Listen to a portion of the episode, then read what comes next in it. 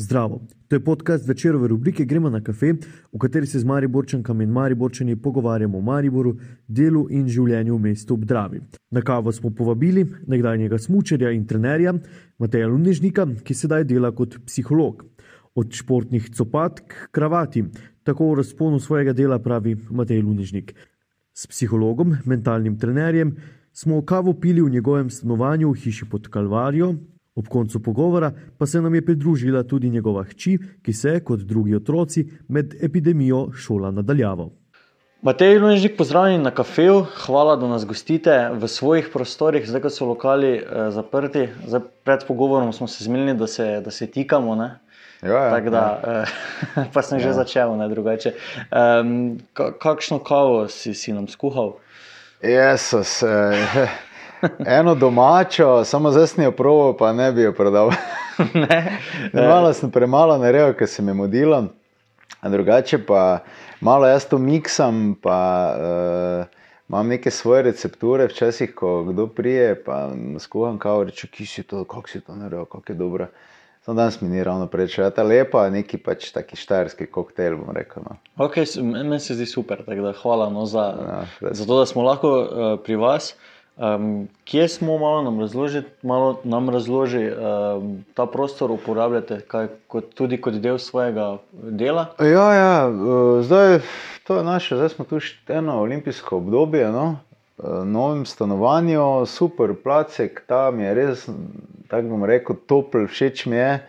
Uh, tu delam, ja, tudi športniki, imam svetovalnice tukaj, tako da, ali pa tudi, če prije kakšna družba se tudi sedemo, ne, ker je tako lušno, ima neko toplino prostor. Okay, um, prosim, če, če našim poslušalcem poveš, kaj bi se vse počneš, kaj je tvoja profesija. Eh, preberemo mm. na spletu, ne mentalni trener, svetovalec. Kaj, kaj vse zajema, v bistvu, tvoje delo? Ja, jaz se včasih pošalim, da iz. Uh, športne, iz športnih copat v kravato. Um, Tako da delam v bistvu več delam s podjetji, no? bistveno več predavam podjetjih, um, skrbim za pomoč v stiski zaposleni. To se pravi, v podjetjih imajo možnost zaposleni, da pokličejo na brezplačno številko in dobijo neke vrste pomoč v duševnih stiskah, kar je zdaj seveda še toliko bolj, bomo rekli, priporočljivo. E, drugače, tudi glede na problematiko v podjetjih, predavam na različne teme, večinoma, kar se tiče stresa, pa na kak način si pomagati, ali pa kako priti do fokusa, kako biti bolj učinkovit, e, najti motivacijo, komunikacijo, vodenje te klasične teme. Bom rekel, mislim, da je to zelo zanimivo, dan danes se to kar prijelo po podjetjih, ne, iščejo te možnosti, da se zaposleni na tem področju izobrazijo. Drugače pa delam tudi s športniki veliko, ne. sam sem bolj športnik po duši, včasih tudi eh, bil sam tekmovalec, pa smučar, eh, pa trener potem. Zdaj pa delam že nekaj časa na tem področju, tako da je potovalka doma. Ne. Eh, v, v omari je lepo zaprta, da ni pred sobi, tako prej, ko sem bil trener. In dela bolj na tem psihološkem področju, športniki. Okay. Rekel, da je kar že dosti šlo skozi moje roke v teh zadnjih 12 letih. Okay, Preden gremo k, k temu eh, najbolj aktualnemu, ne, povezanemu z delom, uh, kot, že, kot si že omenil. Um, Kako je pomembna je kava za, za ne vem, neko mirnost, pa ja. za neko boljše počutje? Je to pač seveda odvisno od človeka, ne? ampak vseeno, zdaj kavo pijemo samo doma, prej smo hodili piti na poštno, na glavni ja, trg. Ja, ja. Ja, gledaj, zdaj kava je pač vsakega posameznika odvisno. Ne? Zdaj eni pravijo, da ne pije, eni, eni lahko spijo, preden gre spat. Mm. Jaz tako povem za sebe. Ne? Meni recimo kavo naredi uhu. Jaz, tudi če grem na high coffee, da ne rečem malo reklame, ker se mi zdi res dobra kava, sem pol tak cel dan, eh, kot da bi bil zaljubljen, malo, ne, tako dobro se počutim. In kava ima zelo pozitiven učinek na mene, ne smejo pa sve prej spiti, ker pol sem še po noči zaljubljen, to pa pol ni dobro za spanje. Ok, tako da v bistvu je, eh, odvisno, kot si rekel, odvisno od človeka. Ja, ja, um, ampak zdaj, če rečemo, da kavo dosti krat pijemo v družbi, mm. um, zdaj nam pa mogoče te družbe malo primanjkuje. Pažate, da imamo težave zdaj v tem času s tem, da je naše življenje socialno kar okrnjeno. No, zdaj, če bi rekel, da ne, ne pol bi. Mogoče mislil, da sem spal zadnji 3-4 leta. Ne. Definitivno, mislim, da je to gotovo.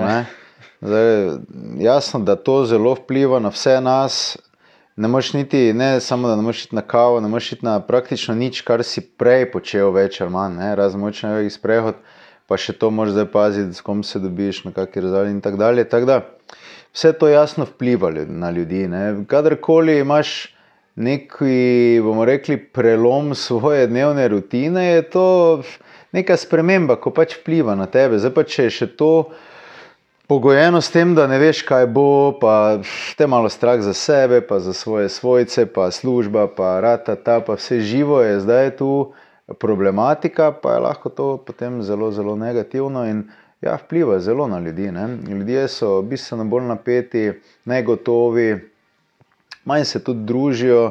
In seveda, človek je socialno bitje. Ne? Mi smo na nek način preživeli, zato ker smo začeli formirati skupnosti. Ne? Eh, ne vem, koliko tisoče let nazaj. Ne? In tako smo na nek način preživeli v tem nekem uh, boju, ne, evolucijskem, tudi z ostalimi vrstami, ki so bile mogoče v tistem trenutku bolj uspešne od Homo sapiensa. Ne? Ampak glede na to, da so se družili, so organizirali neke skupine, med sabo so si pomagali na ta način je naša družba bomo rekli, tudi preživela. Tako da to je ena izmed eh, funkcionalnih oblik vedenja, socialno vedenje, ki pa zdaj, glede na to, da ti je vzeto, jasno, da to vpliva na vsakega. V, te kdo pokliče, kako to spremeniti, rešiti ali iskati celo neke alibije, ok, jaz se res moram družiti, lahko povabim nekoga k sebi. Ne vem, se dogajajo te stiske, čistake neposredne. Ja, dosti je tega, dosti. Eh, glede na to, da pač. Um, svetujem, da imam telefonsko linijo za podjetja, določena, uh, kar kličejo zaposleni in imajo stisko. Um, seveda si želijo, želijo se družiti, želijo početi stvari, ki so jih prej, in um, to potem vpliva negativno na njih, in zaradi tega so, bomo rekli, kar pod močnim stresom, ne, jasno. In to pogledno potem vse skupaj trpi, slabši so odnosi v družini, učinkovitost na delovnem mestu pada. Tako da je potem tu zadaj kup nekih problemov in ja, ljudje bistveno, bistveno več se zdaj v tem času naslanjajo na te oblike pomoči in mislim, da je tega še dosti, dosti premalo. Um, ne samo to, ne, da nam manjka nekega, pač neke, nekega druženja, tudi um, težave gospodarstva ne vplivajo na, na ljudi. Um, kdo bi recimo moral biti tisti, ki, ki, ki usmeri ljudi uh, vem, po pomoč, so to delodajalci, so to vem, družinski člani, ki opazijo pri drugem, da, da nekdo ima težave, pa jih moče skriva. Um, Kako kak to reševati, na koga bi morali apelirati ne, v teh mm, trenutkih, mm, da, mm. da se to reši? Ja, definitivno, zdaj, če se pogovarjamo z tega poklicnega vidika, je, bi, bi to moral delodajalec prepoznavati. Ne? Ker dejstvo je, da ljudje imamo težave, imamo stiske. Po veliko raziskavah smo Slovenci eni izmed tistih, ki najbolj močno doživljamo neke vrste stres na delovnem mestu, celo drugi bi naj bili v Evropi. In, um, Zdaj, lahko si zakrivaš oči, pa misliš, da tega ni, lahko pa jim pomagaš. In z eh, tega vidika bi morali delodajalci razumeti, da zaposlen se znajde v stiski in ko se znajde v stiski, če nima se na koga obrniti, bo eh, na nek način ta težava lahko prerasla v neko duševno stisko, duševno motnjo in sva duševna motnja vodi vse tja do depresije ali pa izgorelosti in to je pol za delodajalca velika izguba, če se zdaj tako kvantitativno pogovarjamo v denarju, ne? kaj šele kvalitativno, da izgubiš nekoga, ki je na delovnem mestu dobre volje, oziroma ne bom samo rekel dobre volje, ampak je učinkovit, se dobro počuti, je, bomo rekli, zdrav in takrat lahko daje svoj maksimum. In ti to rabiš kot delodajalec. Če pa tega ni, pa jasno, da škripa, ne? na tistem mestu škripa, polje pa še drugi, pa tretji. In lahko imaš zaradi tega zelo, zelo velike probleme. In mislim, da bi tega moralo biti bistveno več, ker se da zelo, zelo dobro pomagati. Ne? In jaz včasih rečem, ko imam predavanja, pa jim dam recimo en kozarec za prijet, pa rečejo, da se to ni tako težko. Pa rečem, pa, pa držite za en teden ali pa dva tedna, ne? pa, pa naenkrat ta kozarec ni več tako lahek. Tako da ni šlo s tem, da je nekaj lahko, ne? uh, ampak je šlo s tem, kako dolgo moš to držati. Mm. In tu ta, bomo rekli, srednji stres je veliko krat zelo, zelo velik problem. Tisto, ko ne moreš za vsak dan nekomu povedati, kaj reko, da je stisni zobe, da je no pa se pa. Ne? Ampak tebe pa grize, te muči vsak dan in to potem lahko vodi do tega, da prije lahko do resnih, resnih težav. Um, pa še mogoče eh, to je za poudariti, da težave z depresijo, z izgorelostjo so bile prisotne že pred pandemijo. Ja. To je zdaj se skupaj še samo poslabšalo. Ja, to je zdaj potenciralo. Um, ja. Mogoče, če se malo vrneš nazaj, um, se je že pač, ne, za razliko ne, od desetih let, pa zdaj v zadnjem letu se je to že dogajalo, da se je to res povečalo. Ali, ne, lahko bi se o tem mi pogovarjali že februarja, ne, pred mm, pandemijo. Mm, je bilo to opazno, sprememba? Ja, ja, ja, ja. definitivno. Uh, že zadnjih deset let je to zelo v porastu. Ne, to se pravi, depresija postaja v bistvu ena izmed najbolj pogostih oblik bolezni. Ne? Uh, ne samo v Sloveniji, tudi nasplošno v svetu, ne? in prehiteva te kardiovaskularne težave. Tako da ja, je v porastu. Ne? In zdaj pa še toliko bolj. Zdaj pa, zdaj pa še tisti, ki so mogoče prej malo reševali te stiske s tem, da so šli kam vem, na fitness ali pa plavati ali pa da so se s kom podružili, ali pa so koga poklicali, zdaj pa še tega ni. Ne? Zdaj pa imaš polno teh ukrepov, ne veš, kako bi se obrnil včasih. Um, jaz sem zadnjič sanjal po noči, da sem šel brez maske v mesto, sem takoj zjutraj se zbudil, sem klical Jelko, da sem se upravičil. Ne? Ker te je že strah, ne veš, ki si kaj naredil na robe, komu si mogoče kaj slučajno dal, uh, ne, kako bolezen. In dejansko smo v nekem takem negotovem času, ko praktično ne veš, kako sploh konec koncev se zaščititi. Glejmo zdaj te ukrepe, ki že trajajo na en tri tedne, en mesec, pa je praktično ta ne, nivo obolelih še vedno zelo, zelo visok. Torej, kje zdaj fulamo s temi ukrepi, kaj se zdaj dogaja? Ne? Ker ukrepi imajo nek svoj namen, ampak namena očitno ne izpolnjujejo. Torej, nekaj tu ni ok. Ne?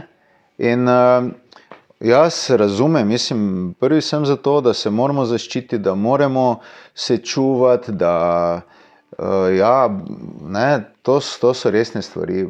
Ne?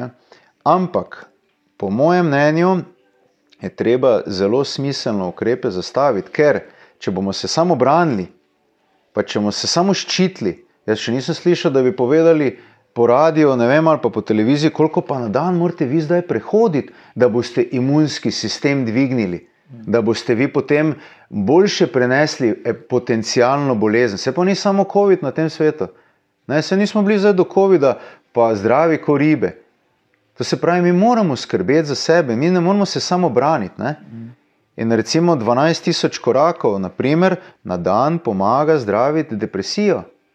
To so, to so zdravilne zadeve, gibanje. Ne? Zdaj pa nihče tega ne reče, še celo veliko gibanja so nam vzeli. In to pogledno mi imunsko smo slabši. Ne?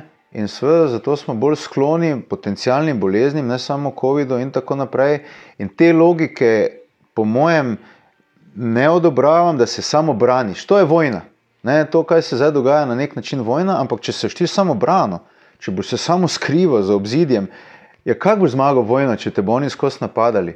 Ok, čakamo cepivo, ampak mislim, da to ni edina prava pot, da moramo bistveno bolj skrbeti za sebe, da bi morali imeti neke oblike na drugi strani, ja, okrepi v zaščito, pa v restrikcijo se strinjam.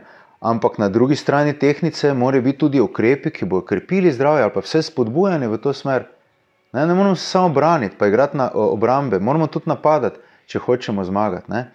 In tu se mi zdi, da, da tega manjka Predvsem pa, predvsem pa se mi zdi, da so tu najbolj na udaru otroci, ki hodijo tu v šolo, prve tri, štiri razrede, ki, ki so še premali, da bi veseli skozi računalnikom ne, in res rabijo družbo in si bistveno teže na tem abstraktnem nivoju razložijo, kaj se dogaja. Oni so pač konkretno logični, oni bi radi se družili, oni bi radi šli ven in tu pa se mi zdi, da delamo zelo, zelo veliko škodo. Tako da um, mislim, da bi bilo treba te zadeve bistveno bolj uravnotežiti, da bomo tudi napadali, pa se krepili, ne pa se samo ščitili, pa se branili. Okay, Omenil si že torej, eno od teh možnosti, kako lahko sami napadamo vse skupaj, ne, teh 12 tisoč korakov.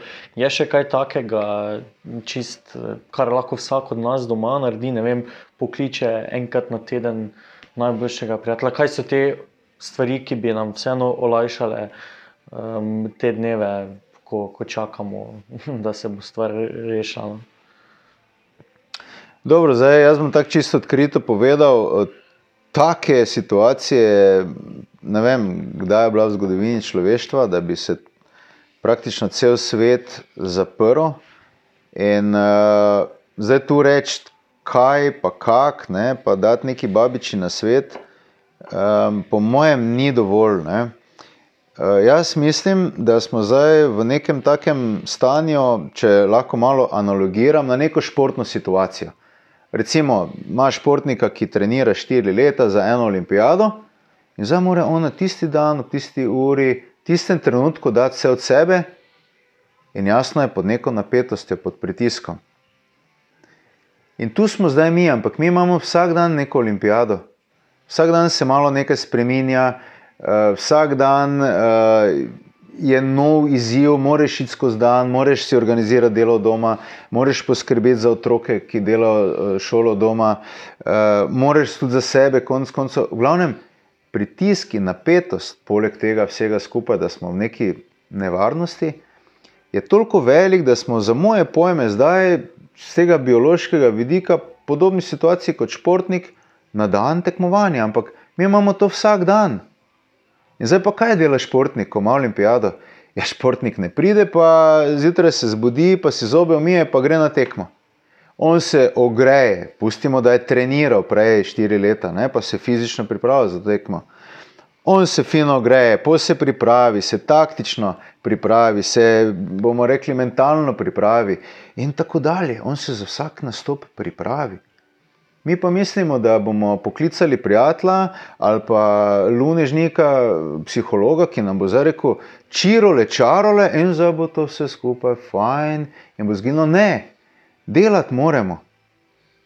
Zjutraj, ko vstaneš, se moraš pripraviti na ta dan, kako bo šel skozi, kako boš čim bolj učinkovit, ker bistveno manj bo potice, kot je bilo prej. Če boš si jo naredil, hvala Bogu, ne? ampak treba ta pritisk držati. In zato pa moraš se znati malo zvečer pripraviti, eh, potem se moraš, eh, mogoče zjutraj, jaz pač imam neki svoj ritual, zjutraj eh, naredim par nekih vaj, da si rečem, kako bom danes funkcioniral, ker drugače bi na mene tudi to vplivalo. Jaz, da imam vsa ta znanja, psihološka, meni to nič ne pomaga, da nisem kdaj jezen ali pa da ne znorim, ko ne morem iti kam ali, ali, ali pa kaj tak podobnega. Ne? Če veš, kaj hočem reči. Torej, moj vidik je, da si moraš pomaga tako, da boš nekaj naredil v tej smeri, da boš začel bolj pozitivno dojemati neko situacijo, ampak to lahko narediš samo praktično. Ne samo, da ti veš, da, da je dobro pozitivno razmišljati. Ne, moraš narediti nekaj za to. Plevela raste fino, samo od sebe, ne rečeš ga zalivati, rožice pa moraš vsak dan obrezovati, pa jih delati. Ne? In to je, to je moje sporočilo. Za te čase moraš delati na sebi sam. In tako kot neke vrste športnik se vsak dan pripravi, da boš ta dan zgural, da boš na nek način prišel, kolikor se le da učinkovito skozi to obdobje. Jaz upam, da bo tam potem maja zopet nekoliko se to umirilo ali pa s temi cepivi ali ne vem. Ne? Ampak zdaj pa ni čarovnega recepta, da boš ti malo šel na kavico z Jožecom pa boš šel s Frančikom nekaj malo pomalati, pa na trgate, pa boš ti srečen. Ne, po mojem ne. Taki časi so, da moraš bistveno, bistveno več delati na sebi, ampak res praktično, ker drugače boš deležen vse te porcije negativnosti, ki nas obdaja, in se boš skuhal tako rak, in enostavno imaš lahko hude težave, tako kot vidim, da jih okolica ima. Okay, um, Zdelate šport, delaš športniki, um, tudi za njih je letošnje leto nenavadno, ne, težavno v bistvu. Zdaj, olimpijski športi so dobili zamaknjeno uh, olimpijado, na katero se nekateri pripravljajo štiri leta. Um, eni športi so imeli pol sezone v bistvu brez tekmovanj. Um, kaj se dogaja z njimi, kako rešujejo te stvari, kako sodelujete, v bistvu, kaj počnete. Ja, zdaj, tak je no, tisti, ki so res vrhunski, pa so na najvišjem nivoju. Ne? Tisti, mogoče to vse skupaj ni toliko prišlo, uh, bomo rekli, na skrižko, pa tisti, ki so mogoče na poti, ne, ki so malo mlajši. Tem se je praktično vse ostalo, tudi tekmovanja. Tako da za temi, ki imajo še naprej tekmovanja, recimo, bili smo v Rolanga Roju, pa smo bili pač mehurčko. Um, to je relativno z tega tekmovalnega vidika potekalo normalno. Mm. Um, tudi, recimo, nogomet, prva liga poteka normalno, medtem ko ostale lige, oziroma mlaje, za mlajše selekcije, pa se ne, nič ne dogaja. Ne. Tako da tukaj najbolj nastradajo zopet mlajši. Bo izpad ne? generacij, verjetno. Mlajši, tisti, ki so v razvoju, tisti, ki šele vlagajo v sebe. Mm. Če veš, kaj hočem povedati. To se pravi, tisti, ki so zdaj v funkciji napredka, tisti, ki so se na nek način že formirali, mogoče bi še imeli najmanj problemov s to situacijo. Ne? Ti, ki pa zdaj rabijo, rabijo vsak teden, rabijo vsak dan, ko vsako uro da napredujejo, pri teh pa je zdaj problem. Ne? In tu vidim, da, da, je, da je veliki spad, ne? oziroma da je teh športnikov, ki se tudi javljajo, bistveno manj. Um, je spet odvisno od uh, športnih panog, ene mogoče še vedno potekajo, druge pa malo manj, ampak uh, tu je ta problem, zopet ti mlajši, mislim, da potegnejo najbolj kratko. No? Okay, da se še malo dotaknemo Maribora. Um, vi ste tukaj pod Kalvarijo, simpatična lokacija. Je Maribor tak, če, če pogledamo za neko življenje, čim manj stresno, do, dober, mislim, dobro mesto, pravo mesto, ne ob reki, pohorju in vsem skupaj. Ja, to je zdaj tako, to, to je relativno. Ne. Se je že Ivo Andrič rekel, zakaj sem moral celo svet prehoditi, da sem videl, da je najlepša pot od mene pa do gostilne. Tako da to je odvisno pač od vsakega posameznika, kako to uh, svoj domači kraj dojema. Tako da itak si takrat, ko si doma, si najbolj srečen. In uh, po mojem mnenju uh, je bolj pomembno, kako si ti naredi življenje sam. Mm. Eh, če si srečen v sebi, če malo si znaš ta plevel obrezovati, potem si lahko srečen kjerkoli. Ne? Ali si v Domžalah, ali si v Mariboru, ali si v Koperu. Če pa ne, pa si lahko na Mauriciju, pa, pa zelo hudo, hudo potrtne. Ampak sicer pa mislim, da je Maribor eh, fenomenalno mesto, da nudi ogromno možnosti.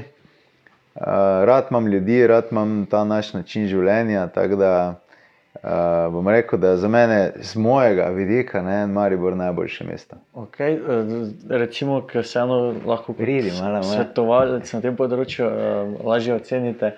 Uh, je nekaj normalnega, to, da se v nekaterih stvarih res, res vse skozi kregamo. Zdaj je zaprta koroška. Pa, sta dva tabora. Ne? Pa vedno, ko pač je neka tema, se razdelimo in potem to gonimo v nedogled, če, če tako rečem. Ne? Mm. Je to nekaj normalnega? No, eh, zelo normalno. Nažalost, moram reči, da pač naši možgani so tako narejeni, da bistveno bolj negativne stvari eh, spremlja, ne, ker je to logično, da če ne bi preživeli, če ne bi bili bolj pozorni na eh, potencijalne nevarnosti in teh potencijalnih nevarnosti je potem vsak dan lahko kolikorkoli želiš, če jih svoje opazuješ. Ne. In pa če enkrat je koroška cesta, drugič je oni trg, tretjič je sosedova ograja, petič je avto in tako dalje. Ne. Tako da, nažalost, je to normalno. Bi bilo pa mogoče dobro, da bi naredili kakšen, ne vem, team building mesta. Ne, recimo, to sem jaz imel dolgo že nazaj idejo, da zakaj so samo team buildingi v podjetjih, zakaj ne bi naredili team building za celo mesto. Ne, bi, ja, to je dobro vprašanje. Imam par idej. Ne. Uh, ampak dalo bi se narediti in da bi se malo povezali, da bi videli, da v bistvu smo vsi, vsi dobri ljudje, da vsi dobro hočemo, samo da imamo različne interese, uh, da je treba pač kdaj pa kdaj kakšen svoj interes, hoče malo pustiti na strani za interes uh, skupnega mesta. In mislim, da bi nam potem bilo bistveno bolj lepo, predvsem pa bi gledali na to, kot uh, na naše mesto, kot neko priložnost, da se razvijamo, ne pa kot možnost, da je kaj narobe. Okay. Če se si vi želite v Mariboru, vaša želja za Maribor? Heh, več igral za otroke, to. Evo, zdaj imamo otroke in to je res. Bil sem, eh, ko se vozimo na Kreto, vedno skozi Srbijo, eno zelo malo mesto, Vladič in Han. Tam je bilo 74 igral, eh, recimo tu v parku jih je samo 14. Ne? Um, kamorkoli pridem, tudi po drugih mestih v Sloveniji, moram reči, da, da imajo bistveno več igralcev za otroke in to pa je res nekaj, kar me boli. In razvoj otroka je ključen. Ne? Uh, potem pri oblikovanju neke osebnosti in svoje dobrega državljana, in tako naprej, meščana. Tako da mislim, da na tem področju uh, bi mi najbolj, se mi zdi, da bi bilo najbolj potrebno, da bi otrokom dali več možnosti za neko gibanje v naravi, več nekih oblik igranja in več nekih zanimivih igral. Če gledamo tu Gamlic, ne, čisto čez mejo, motorik, Motorik to je fenomenalna zadeva. Uh, ne vem, zakaj ne bi mogli imeti tu v Mariboru približno nekaj takega. Ne? Mm. Tako da to, če bi kaj pocukal, ne, eh, koga, ki je za to odgovoren za rokav v Mariboru, bi ga zaradi tega. Hvala lepa za, za vaš čas. Evo, prosim, Miha, hvala za tvoje zaupanje. Pa upam, da še prišel kaj na kavo. Ne? To je bil podcast večerove rubrike Gremo na kafe. Pogovarjali smo se z Matejem Lunežnikom. Jaz sem jih Dajčman, pod tem imenom me najdete na Instagramu, Twitterju in Facebooku. Do zanimivih večerovih vsebin dostopate s klikom na vecer.com.